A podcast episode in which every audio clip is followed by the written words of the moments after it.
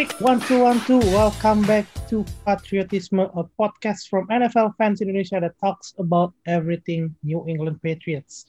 I am your host Amar Syarewindra. Ada Abi seperti biasa. Hai Abi. Hai, Mar. Ada Andra. Sap, sap, Mar, sap, Bi. Yoi. Uh, Suaranya uh, ada yang semangat kalau dengar-dengar. Ya, tapi tapi gue paham sih kenapa pada nggak semangat. Kita eh, kalah empat kali berturut-turut. Kita kalah sama terakhir Buffalo Bills saingan divisi. Kita kalah sama eh, San Francisco 49ers sama mantan. Kalah sama eh, Denver. Denver, ya. Sebelum Denver siapa? Kalah sama Aduh, Ini. gue lupa. Siapa? Chief, Lupa. Chief. Chief. Chief. Oh Chief. iya, Oh, Chiefs. Oh jelas iya deh. ya. Ya, ya, Chiefs, Chiefs. Ya kan kita kita tuh menang pertama lawan Miami, kedua kalah Hmm. lawan Seahawks, ketiga Hmm. menang lawan ini Las Vegas. Las Vegas. Nah, Ah, dua kali berturut-turut kalah dan dua kalah yang terakhir itu menurutku nyesek. Karena yang pertama Hmm. kita kalah banyak total dibantai abis. Yang kedua kita kalah sama division rival which is always better. Dan kita kalah di game yang menurut gue sebenarnya kita bisa menang. But NL is NL, kalah ya kalah. Nah ya cobalah kita bahas pelan-pelan nih, kita bahas satu-satu. Pelan-pelan ya, Mar. Dimulai dari Cam Newton, our main guy, sepeninggalan Tom Brady. eh dua game terakhir, menurut gue sebagai fans Patriots, yang standarnya adalah Tom Brady. Ini ibarat kata Ibarat kata. silit, di bawahnya Mhm. lagi lubang silit tuh. aduh, aduh, aduh, aduh, kayak yang yang kayak gini-gini mah nggak sama-sama enak ya, Bang. iya. Kagak kagak Gitu kagak bisa kagak ya sama-sama gini-gini. enak, Tom. Gak bisa yang begini-begini, Eh, Bang. game pertama eh, lawan eh, yang mau kita bahas nih sebelum eh eh so- sorry setelah kan kita sempat bahas tentang Denver kan yang belum kita bahas tuh San Francisco sama ya sekarang ya Buffalo Hmm. San Francisco lawan San Francisco 9 passes out of 15 3 interception terus Yeah. lawan Buffalo 15 per 25 satu fumble ini jelas bukan Cam Newton yang kita tahu, bukan MVP Cam Newton yang kita tahu. Dra, Hmm. Udah abis ya sih ini Cam Newton. Hmm, kayaknya honeymoon periodnya eh Patriot sama Cam Newton berangsur-angsur mulai kelihatan gitu. Apa Abis. mulai habis, kelihatan mulai habis. Kita ngelihat Cam Newton yang bisa lari, terus kita lihat Cam Newton yang bisa ng- ngajak-ngajak defense pakai run option dan lain-lain itu udah di week-week pertama Hmm. di week kemarin yang lawan yang lawan San Francisco sih udah beyond help sih ya Newton. Tapi kalau yang di week kemarin tuh sebenarnya eh, yang lawan Buffalo tuh dia sebenarnya not bad. Eh, dia masih bisa make plays pakai kakinya. Eh, walaupun ya secara completion percentage 15 per 25 gue nggak lihat tuh sebagai sesuatu yang terlalu concerning gitu. Eh, apalagi kita juga in the verge of winning the game. Eh, maksud gue ketika dia ngelakuin satu fumble yang benar-benar ber apa ya costly di Hmm. akhir game di akhir Crucial ya, drive ya. apa Krusial. krusial di akhir game di akhir eh, di teritori lawan yang harusnya kita udah bisa opting for field goal aja buat seri tapi eh, si Newton malah fumble buat gue di game yang lawan Buffalo kemarin mungkin agak ini ya bisa dibilang luma kalau standarnya kita ngelihat dari lawan Broncos sama lawan 49ers sebenarnya lawan Buffalo kemarin lumayan meningkat gitu Hmm. Uh, dan gua eh, sebenarnya mungkin Buffalo kemarin itu kayaknya performance terbaiknya Newton setelah dia kena COVID sih. Setelah COVID-nya dia, itu sebenarnya performance terbaik dan buat gua uh, kayaknya sih buat dibilang abis enggak. Uh, apalagi jadwal ke depan ini lumayan uh, favorable harusnya buat Cam Newton tapi uh, buat dibilang dia bisa single handedly hand us the win uh, enggak juga karena he's at the at this point of his career dia benar-benar butuh banyak help di sekitarnya dia. Oke, okay. uh, balik ke soal Buffalo tadi, it was if I'm not mistaken, it was a well-designed quarterback runs. Karena kan hmm. Cam Newton udah lewatin garis first down-nya. Seingat hmm. gue sih itu. Tapi hmm. pada ujungnya dia fumble, dia lewat. Uh, satu lagi Dendra, gue tanya dikit ya. Hmm. Hmm. Hmm. Uh, should the New England Patriots stop scheming quarterback runs atau enggak? Hmm, gue bilang enggak dulu sih. Uh, biarin kita bisa nge-scheme quarterback runs karena karena ini kelihatan kalau quarterback run-nya itu dicabut dari salah satu weaponnya Cam Newton buat main, kayaknya weakness weaknessnya Cam Newton dari throw ini mulai bisa kelihatan kayak gimana dia uh, bisa miss open read, gimana dia bisa miss uh, throw-nya dia mekaniknya rada jelek kemarin. Jadi ya buat gue sih jangan dulu dicabut sih karena dia masih bisa bikin place dari kakinya. Oke, okay, great. So, jadi emang uh, satu hal yang Anda tadi bilang tuh kalau uh, dengan tetapnya kita uh, pakai skema run option itu, kita bisa uh, quote unquote uh, cover up beberapa kekurangan Cam Newton di operan. Tapi kalau bicara soal operan, itu nggak luput dari orang yang menerima juga. Nah, uh, di dua game terakhir ini untuk passing yards uh, New England Patriots nggak pernah sampai lebih dari 200 yards di lawan San Francisco 162 itu juga combine antara uh, Cam Newton sama Jared Stidham. Uh, hmm. lawan Buffalo 154 terus udah gitu untuk wide receiver. Ini yang kacrut lah. Gue gue sampai speechless bro. Kayak dalam dua game terakhir itu nggak ada yang sampai six reception, eh, nggak ada yang sampai ngelebihin six reception dan nggak ngelebihin 70 yards. Nah, gue mau tanya sama Abi, Bi, uh, what's wrong with our receivers? Apakah kehilangan Julian Edelman seberat itu? Because hear me out. Oke, okay, Julian Edelman itu uh, wide receiver yang bagus lah ya. Kita tahu Super Bowl MVP, hmm. uh, apa always come in clutch, made, made the right play in the right time. Up, you can say many many good things about him lah. Tapi masalahnya adalah sebagus-bagusnya Julian Edelman, dia bukan di Andre Hopkins, dia bukan Michael Thomas, dia bukan Devante Adams. Heck, he's not Antonio Brown. Nah, sebegitu parahkah uh, receiving corps-nya Patriots sampai kehilangan sosok yang tanda kutip hanya Julian Edelman saja itu sampai sejelek ini gimana bi?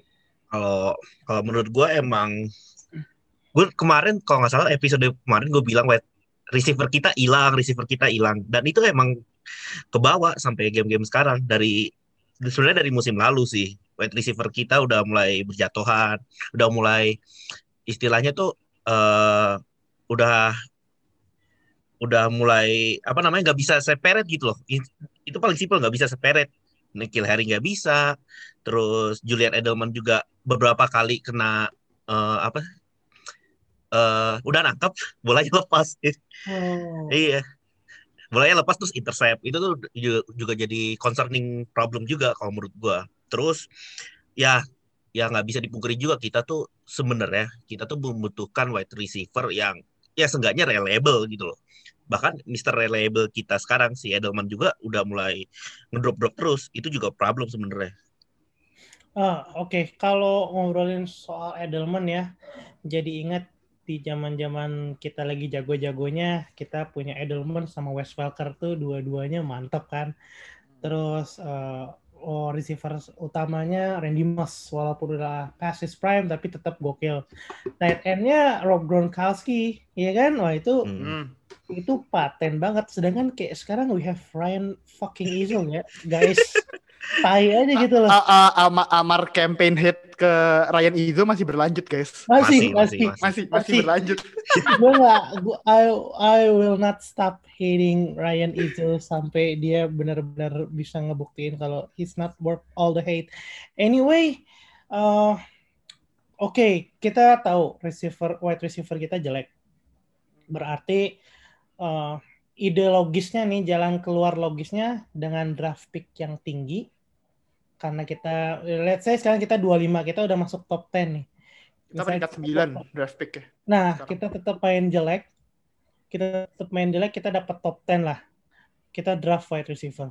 Tapi eh, gua rasa pendengar dan lulu semua pada tahu track record Patriots kalau drafting wide receivers apalagi first round itu nggak bagus. Termasuk Nikhil Harry. Nah, gue mau tanya sama Andra. Andra, Hmm. hmm. is Nikhil Harry a confirmed bust?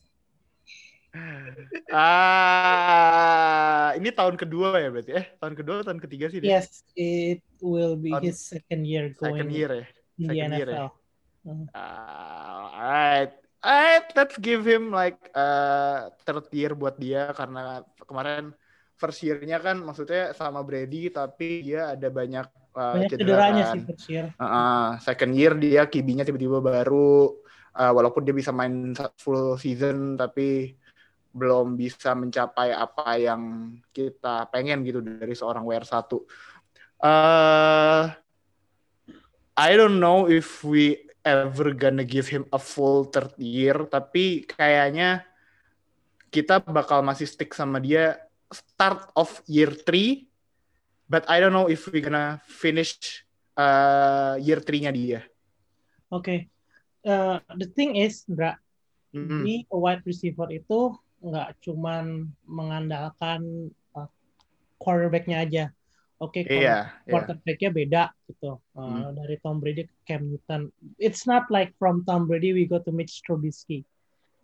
Masih ada dignity-nya lah. Uh, apa namanya Cam Newton ini. Hmm. Uh, tapi kan being a wide receiver it also means that you, you have to be able to separate yourself Yeah. from your markers gitu. Hmm. Dia bisa bikin Hmm. separation, Hmm. dia tahu uh, dia bisa ngebaca ball placement uh, quarterback gimana. Kayak kalau nggak salah di episode-episode sebelumnya itu yang gue sempat bilang yang kita hampir menang lawan Denver itu Hmm. it was partly Nikhil Harry's fault menurut gue ya karena Hmm. uh, ball secara ball place- placement uh, Cam Newton nggak gitu salah. Uh, Nikhil Oh iya, Harry- iya. it, it- was a catchable pass for Nikhil Harry menurut gue Hmm. gitu. Nah, untuk mengatasinya sebagai quick fix nih di uh, trade deadline yang baru aja uh, pagi ini selesai di mana hari ini podcast ini direkam hari Rabu subuh berarti Yep. ya. Sabu tubuh tadi. Uh, Patriots just acquired Isaiah Ford from Miami Dolphins for a seven rounder pick sama apa ya gue lupa. Ingat ya lo? Dra, Bi? Ah, I don't remember yet. Nanti Iya pokoknya kita baru dapat uh, wide receiver-nya Miami. Miami, Miami Dolphins yang bukan WR1, bukan WR2 karena WR1 itu Devante Parker, WR2 itu Preston Williams. Ini ketiga apa empat karena masih ada Jakim Grant. WR Iya. 7 Wan. Kayaknya keempat deh. Keempat tujuh, si- tujuh. Kayak- Kayaknya eh, kalau ada neraka ke-8 tuh di dalam di sana. Dia tempatnya di situ. Ibarat kata raja terakhirnya di situ yang nungguin. Itu kali itu. Nah, gue mau tanya sama Abi, eh, apakah separah itu Is- Isaiah Ford ini sesuai prediksi gue yang asal-asalan? Apa sebenarnya ada hal yang mungkin gak gue lihat gitu? Uh, first of all sih kalau menurut uh, report Isaiah Ford ini 6'3 201 uh, pound receiver ya. Jadi otomatis nih orang sebenarnya gede Hmm. deh badannya. Hmm. Dan dia kalau di Dolphins itu sepemahaman gue dia tuh ditaruhnya di slot. Padahal pas Iya, college Emang. pas dia di di college itu dia lebih ke outside receiver mungkin ini adalah eh, sekedar tambalan buat eh, outside receiver kita yang yang lagi ya semburat lah istilahnya. Oh. Tapi is he good enough gitu untuk kayak ya minimal bikin Jacoby Myers panas lah gitu biar bisa nangkep lebih banyak atau bisa mempermudah hidup Cam Newton gitu. Hmm, itu agak sulit ya dijawabnya, tapi gue punya stats yang agak unik sebenarnya. Kita Hmm. tahu Isaiah Ford ini gue bercandaannya WR7 ya. WR7 nya Dolphins. Tapi ternyata dia itu kalau stats dia saat ini dengan dibanding sama WR Patriots itu tuh kedua tertinggi, Pak. Oh gitu. Heeh. Bandingin sama WR Patriots. Heeh. nah itu, itu Tertingginya Edelman ya? Tertingginya Edelman ya? Wah, gue lupa sih sebenarnya tertingginya siapa. Seingat gue sih kalau nggak salah Edelman apa Meyers ya, gue lupa. Soalnya Meyers berkali-kali kan dapat Iya, target main juga. soalnya kan dua game terakhir main dia jadi top receiving di each Hmm. game. Hmm. But but hear me out. Kalau selevel Isaiah Ford itu tertinggi kedua di Patriots, artinya ada dua. Antara satu Isaiah Ford is decent gitu. Ya oke lah, dia bisa ma- fit masuk di eh, di New England Patriots atau dua kita yang banget. Nah itu gue nggak tahu tuh. Eh, Demir Bird aja tuh se, eh, sepenglihatan gue ya, gue belum lihat statsnya. Tapi kalau eye testnya itu kayaknya Demir Bird lebih dipercaya Newton buat jadi WR2 daripada Nikhil Harry ya. Demir Bird yang baru kita acquire loh, Demir Bird. Isi Itu kalah itu ceilingnya lumayan tinggi loh, ya, Demir Bird. Kalau hari-harinya bagus. first first round pick kalah sama I don't know Damian Bird pick ronde keberapa nggak paham. But that's the special thing about Patriots. Kadang-kadang eh, pemain-pemain yang out of nowhere dari undrafted atau bl- eh, second third fourth even sixth round pick bisa jadi Good. eh, ya jadi jadi jago lah. Ya Tom Brady for example. Well enough about uh, Brady enough about passing. Mungkin bisa sedikit deh bahas running deh ya uh, our running game so far it's not as bad as we thought tapi tetap kita nggak punya pemain sekaliber Alvin Kamara atau Dalvin Cook Hmm. atau uh, nama-nama seksi di running back lainnya Hmm. Uh, dengan situasi uh, wide receivers kita yang kurang banget nih, yang kita sama-sama tahu jelek, harapannya tinggal di running game. Kita selalu bilang Patriots will be a he- run heavy team, run heavy Hmm. team, run heavy team. Hmm. Uh, dengan nggak adanya running back yang mumpuni kayak nama-nama seksi yang gue sebutin tadi, Dra, Hmm. kita bisa nggak sih seenggaknya compete di AFC East aja dengan menggunakan running game. Buffalo Bills kemarin kena 102 yard nih sama Damian Harris. Terus Dolphins di week pertama kena sama run-nya Cam Newton kan. Iya, 70 aduh itu banget sih. Apa 70 something yards, kan. gokil sih. Nah. Jet, Eh, kan Jet- Jets will be Jets kita menang dua kali sama Jets tahun ini. Bodoh amat. Eh. Jets will be Jets. Nih nih nih. Nggak, nggak, nggak. Mumpung- uh, Kita, oke oke, gini aja, gue aja, gue aja, gue aja. Oke. Kita menang eh, next week, eh kita bakal menang dua kali sama Jets. Terus next week kita bakal lawan Jets. Tapi kalau next week kita kalah sama Jets, kita nggak rekaman. Kita kita puasa rekaman sampai nggak tahu kapan ya. Iya.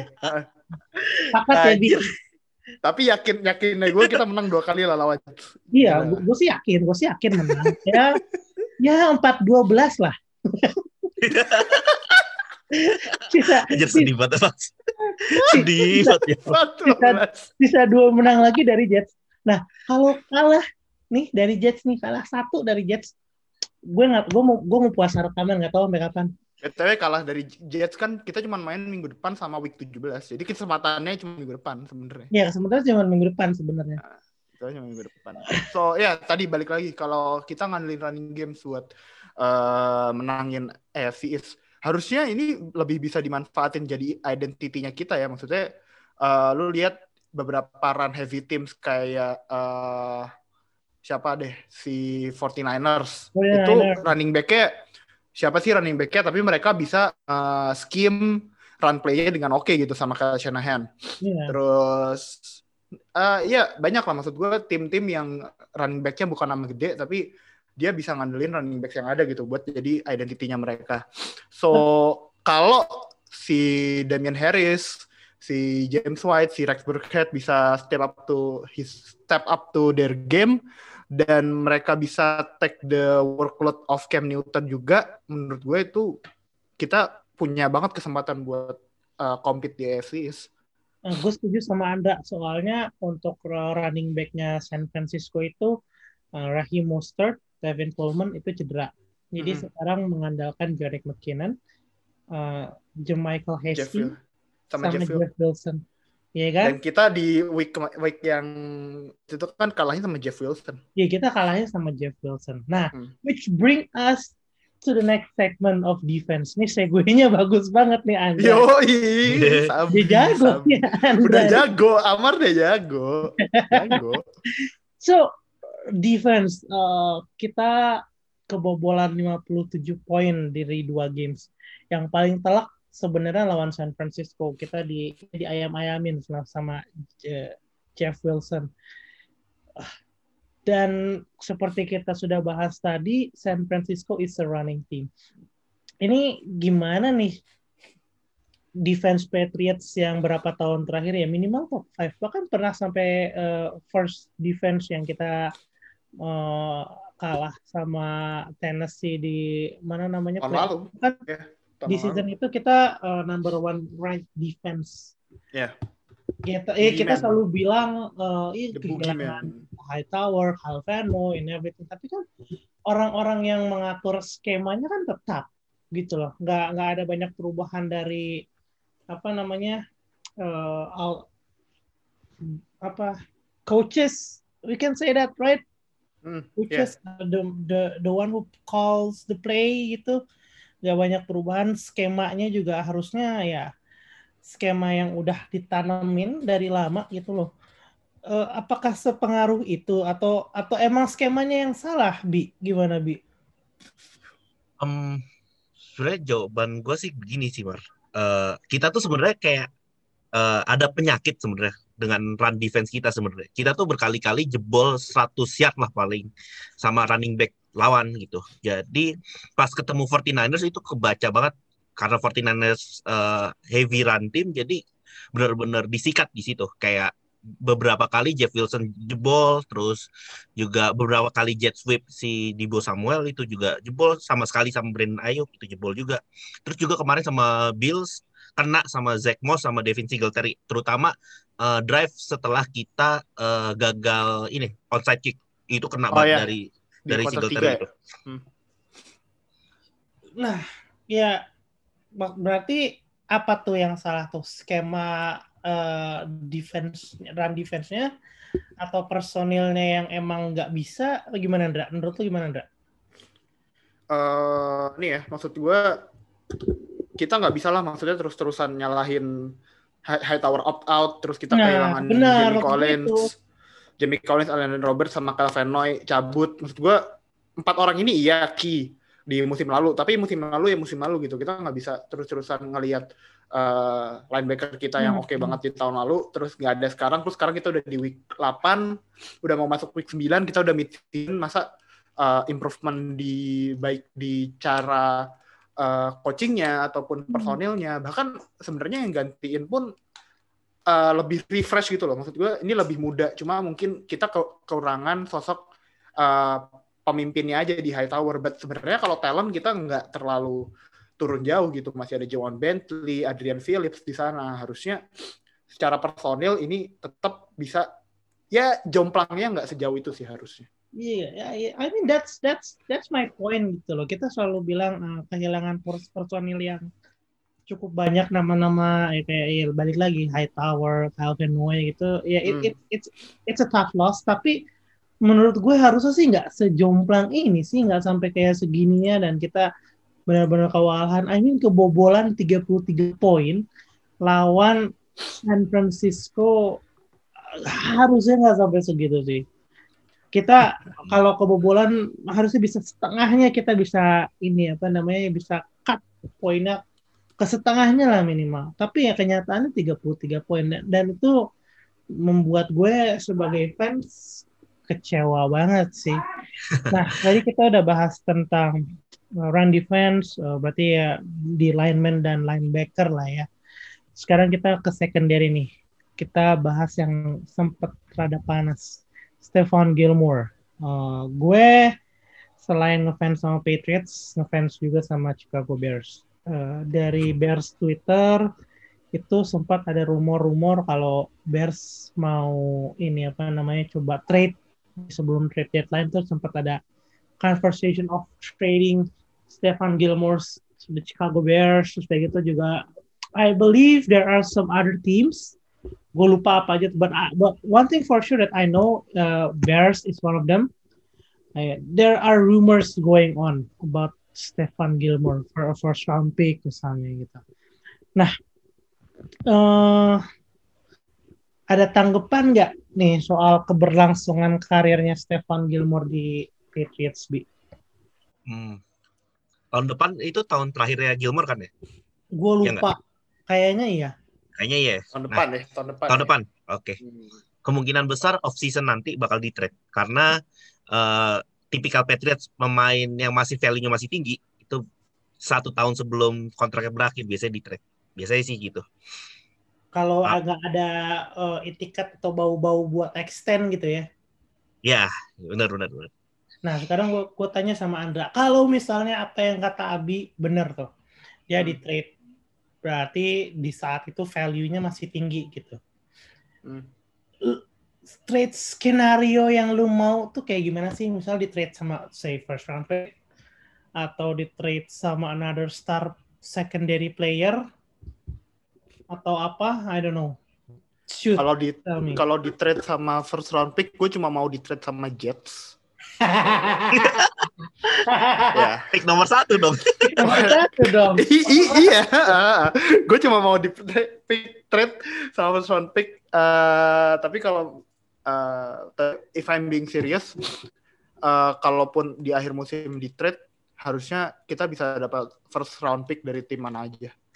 Eh, that may that means dengan posisi kita sekarang eh, ada di top 10, terus nanti bisa aja kita bisa punya dua first round pick gitu di tahun 2021. So Oke. uh, itu harusnya oke sih. Jadi Tapi tapi tapi tadi- disclaimer, gue sama kayak uh, awal tadi. Gue sebenarnya nggak begitu percaya kalau uh, running apa Patriots megang first round pick, apalagi kalau mau ngepick skilled player. oh, belum, for- belum, first round belum. pick or no less Yandra ya. Iya iya. Nah, first round pick or no less. Ini ini defensive player of the year we're talking about. Iya sih, gue setuju sih kayak ini mahal sih. Second Hmm, round pick betul. aja gue masih mikir kalau first round pick, I as a GM I would probably hit that uh, trade button without hesitation. Nah, uh, which comes to the next question. Uh, kita sekarang udah top 10. Terus udah gitu uh, ada rumor Stefan Gilmore mau ditukar. Terus Bill Belichick juga udah bilang ke media kalau emang Patriots ini uh, apa namanya sekarang lagi lagi ada masalah nih. We sold out and we won three Super Bowls. Uh, maksud maksudnya adalah uh, kita dalam keadaan sulit aja waktu itu bisa menang, tapi sekarang kita keadaan sulit nggak bisa menang berarti memang lagi ada masalah gitu loh. Ya. Nah dengan keadaan seperti ini would it be wise for us to tank untuk dapat high, high first round pick karena terakhir kali kita dapat high first round pick it was Drew Bledsoe Drew yang Bledsoe. mainnya sebenarnya lumayan nggak gitu jelek tapi pada akhirnya dikalahin sama sixth rounder Iya. siapa lagi ya uh, pick-pick tinggi tapi saya ingat gue first terakhir kali kita dapat Drew Bledsoe was first overall wasn't it Iya. Yes, yes. Iya. Iya first kan Hmm. kayaknya terakhir kali dapat first overall itu Drew Bledsoe tolong koreksi gue kalau Oh, salah. iya. Iya. Iya benar benar. tapi First ya overall terakhir kita di Bledsoe. eh, yang kayaknya setinggi first overall atau top 5 pick itu udah lama banget nggak ada semenjak kita dapat Drew dan dapat Tom. Eh, ya, jadi gimana nih menurut menurut lu Debbie? Kita perlu nggak sih tanking buat say ngedraft Trevor Lawrence atau karena masalahnya wide receiver ya Jamar Chase out of LSU uh, atau Devontae Smith, Devontae juga Smith, Devontae Smith, Alabama. uh, to bolster our offensive line buat nemenin Oneka Onyewu, uh, Penny Sewell gitu. Gimana menurut lo? Kalau menurut gua tanking kayaknya kayaknya kita masih belum perlu tanking sih sebetulnya. Gue Hmm. masih bisa ngelihat kita eh, at least 97 atau 96 lah bisa lolos playoff di Oh, wildcard. Wah, baru. Masih, masih. Wow, wow. Baru mau gue tanya, kira-kira prediksi rekor musim ini dengan keadaan kayak gini berapa? Lu masih berani bilang 9 10 6 kalau 97 sih ya oke lah. But walaupun itu masih a bit far fetch ya, tapi ya untuk fans yang benar-benar eh, apa namanya po- optimis sudah gitu emang cinta wajar lah bisa nebak 9 10 6 kenapa bi 10 6 Gua, Eh gua bentar, 10 6 Oke. tuh berarti tinggal satu kali kalah lagi kan? yes, satu Ah, kali alright. Oke. jatah kalah kita satu lagi sama siapa bi feeling gue sama Arizona Cardinals paling. jadi abis ini sapu bersih AFC East dan sapu bersih lawan emang schedule kita segampang itu Ada Ravens anjir. ada Ravens loh Makanya gue bilang 97 atau 96 paling minimal ada satu atau dua kekalahan gitu. Ya, Jadi ya, ya. itu optimis, itu optimis ya klarifikasi itu optimis. Jadi ya sebenarnya gue masih percaya kita masih bisa compete. Eh, jelek-jeleknya paling juga eh 5-11 atau 4-12 seperti yang lo bilang tadi. Jadi apa apa salahnya untuk berusaha lah dikit lah gitu loh. Ini kita we talking about New England Patriots man bukan bukan Miami Dolphins, New York Jets gitu loh. Ya maksudnya maksudnya kalau mereka mereka lagi kondisi kayak gini ya udahlah tanking aja loh. Kalau kita kan ya gimana gitu. to, to be fair ya, ya Miami Dolphins itu nggak benar-benar tanking. Di musim yang mereka kalah banyak, Brian Flores itu benar-benar nyoba waktu itu. Tapi ya emang Ya. kayaknya timnya nggak benar-benar into into the game. They were never really that passionate until this season yang mereka akhirnya lumayan bagus dan ya sebagai fans di AFC East, uh, it, it's always nice to have competition. Tapi ya seharusnya sih kita bisa bisa bisa contoh mereka. Gue setuju kita jangan jangan sampai tanking gitu. Walaupun kenyataannya uh, gue yakin hasilnya bakal jelek. Prediksi gue 4-12. 4-12. Come on. At least we got 500. At least at least we got 500 season. Eh, At least we got 500. lu 10 Ndra gue. Lu nggak, kenapa lu 88?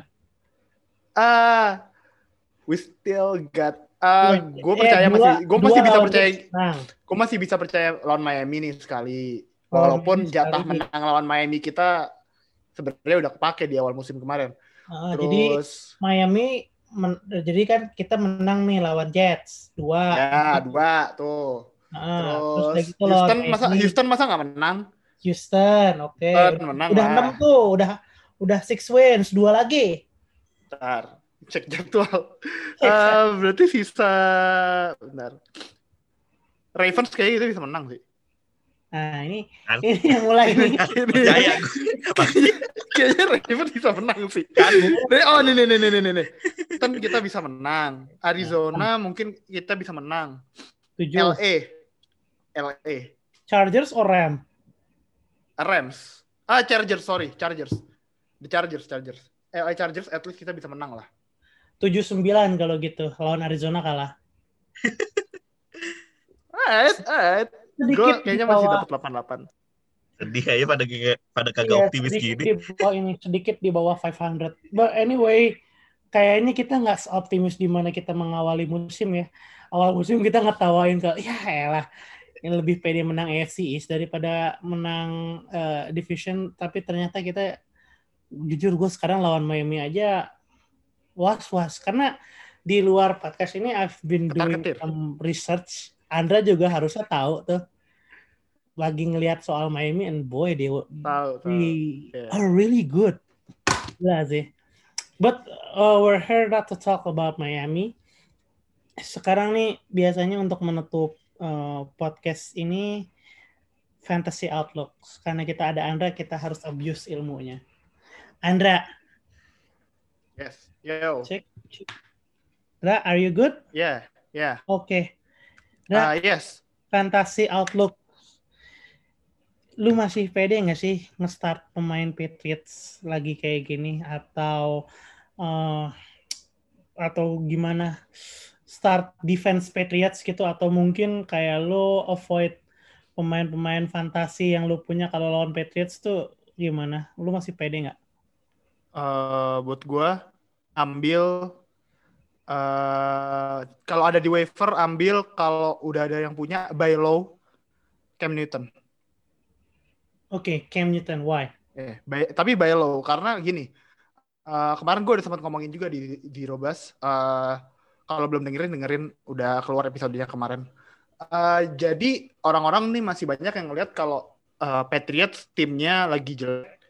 Jadi ada besar kemungkinan kibinya juga lagi jelek gitu. Padahal kalau kita lihat productionnya dia di lawan Buffalo kemarin itu masih 18 poin. Di lawan Denver juga masih 18 poin. Jadi kan QB yang dual threat yang bisa main pakai throw ataupun pakai run-nya itu kan selalu jadi ancaman di fantasi. Jadi buat gua kenapa lu tetap harus ambil Cam Newton mau itu di waiver atau kalau ada di orang buy low lah. Beli eh, trade Cam Newton. Gak usah terlalu kasih banyak resource harusnya orang mau karena orang masih ngeliat Cam Newton rada-rada eh, jelek. Apalagi performancenya kemarin ketutupan banget beritanya sama dia nge-fumble padahal gamenya dia kemarin gak jelek-jelek banget. Terus jadwalnya Cam Newton juga ke depan itu lumayan oke sampai week eh, 15 itu masih lumayan oke gitu ada Jets, ada Houston, ada Arizona, ada Chargers, ada Miami di situ. Jadi buat gua sih Cam Newton kalau lu masih punya tahan dulu bisa lu streaming. Kalau lu pakai strategi streamer QB, lu bisa ngambil Cam Newton buat beberapa minggu ke depan. Cam Newton interesting, tapi kalau kayak pemain skill players, uh, wide receivers, running back, atau- Damian Harris doang. Damian Damian Harris doang. Yang menurut gua oke tapi itu juga match up base. Yo, kayak lu kalau ya, ketemu. Pittsburgh nggak bisa lah ya. Jangan. Untung nggak ada si Pittsburgh. Ya tapi kayaknya kita nggak ketemu nggak ketemu Nggak ada. Pittsburgh ya. Nggak, ada ketemu. Pittsburgh. Nggak ada. Kita ketemu Uh, Ravens our soalnya. toughest match up going forward selain Buffalo sama Ravens. Eh, ya selain Buffalo sama Baltimore apalagi yang kira-kira sulit buat menang. Yang- eh, Rams sih. Hmm, Rams kayaknya masih Rams sama Cardinals, sorry. Rams, Cardinals, uh, what else? Udah. Udah. Udah. Chargers tuh masih bisa lah kita menang lawan Chargers. Kalau lu ngomong kayak gitu berarti kita kalah kalah 6 10-6 dong. Kan yang nggak bisa eh yang bisa di yang yang lu tanya yang yang masih oke buat kita apa yang nggak oke? Nggak yang nggak oke buat kita. Oh, yang nggak oke. Iya, eh Buffalo tuh kita masih bisa menang tadi. Gua gua ngitungnya Buffalo tuh menang. Baltimore sama Baltimore Cardinals. Rams. Baltimore sama Rams. Kalau Cardinals tadi Abi yang ngomong, gue sih menang Car- Cardinals sih. Berarti 10-6 dong. Ini, ini fans Patriots ini tadi nge pesimis. 88, paling kecil 88 kalau gue. Kalau gue paling kecil 88. Gue sih realistis. Gue sih realistis 4-12 terus kita da- dapat Trey Lance. Let's, go. North Dakota State. Jakarta biar kayak Carson Wentz baby, let's go. Uh, anyway, I think that's pretty much it uh, buat uh, preview week 9 lawan Jets. Tadi udah dibilang ya kalau nggak menang patriotisme puasa dulu sampai nggak tahu kapan. Kalau menang ya kita buat podcast lagi. Kita Oh, kita tagin. kita puasa puasa rekaman sampai kalau misal kita menang lawan Ravens lah. Kalau nggak menang lawan lawan Ravens ya. Oke. kalau kalau kalau lawan Ravens menang kita pasti pasti pasti rekaman. lanjut. Pasti lanjut lah. Harus Week dibahas tuh. Gila itu. Week berapa Ndra lawan Ravens Ndra? Hmm, let me check. Week setelahnya. Setelah lawan Jets.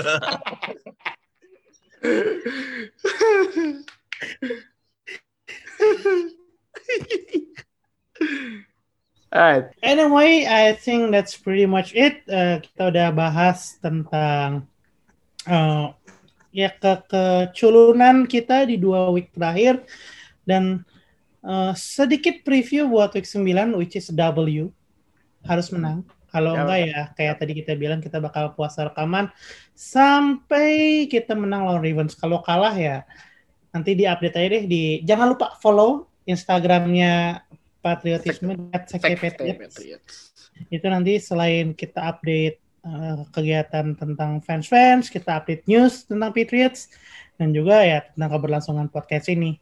Eh, jangan lupa juga buat follow eh, follow bapak kita atau Hmm. mama kita ya, NFL Fans Indonesia at NFL Fans Indo eh, buat news NFL lainnya yang berkaitan dengan 31 tim culun lainnya. Eh, eh, Anjir masih berani. Ada tim culun lain baru bikin podcast juga, Pak. Ada tim oh iya bener ada Iya, tim iya, lain yang bener. baru bikin podcast juga tim culun lain baru bikin podcast tuh yang hijau kuning hijau kuning itu yang ada di atas atas sana di sebelah tengah-tengah sana eh, kita nggak mau sebutin nama podcastnya nanti jadi free publicity tapi eh, lo kunjungin aja NFL Fans Indo itu nanti diupdate di sana podcastnya apaan lu dengerin deh tuh kalau lo mau denger yang culun-culun nggak kebiasa sama yang six time champions baby Eh, six Baby, time let's go. Let's go. Let's go. Let's go. Uh, so I think that's pretty much it. Uh, thank you so much buat teman-teman uh, Sekte Patriots yang udah dengerin. Thank you so much Abi. Thank you so Yes. much Andra. Uh, Yes, sir. Thank you. seperti biasa seharusnya ditutup sama kata-kata manis, ditutup sama pertanyaan manis. Tapi karena nggak ada, uh, kemarin kan gue udah ngomong kasar. Ini ada yang mau ngomong kasar nggak? Eh, gue uh, dasar kill Harry bang.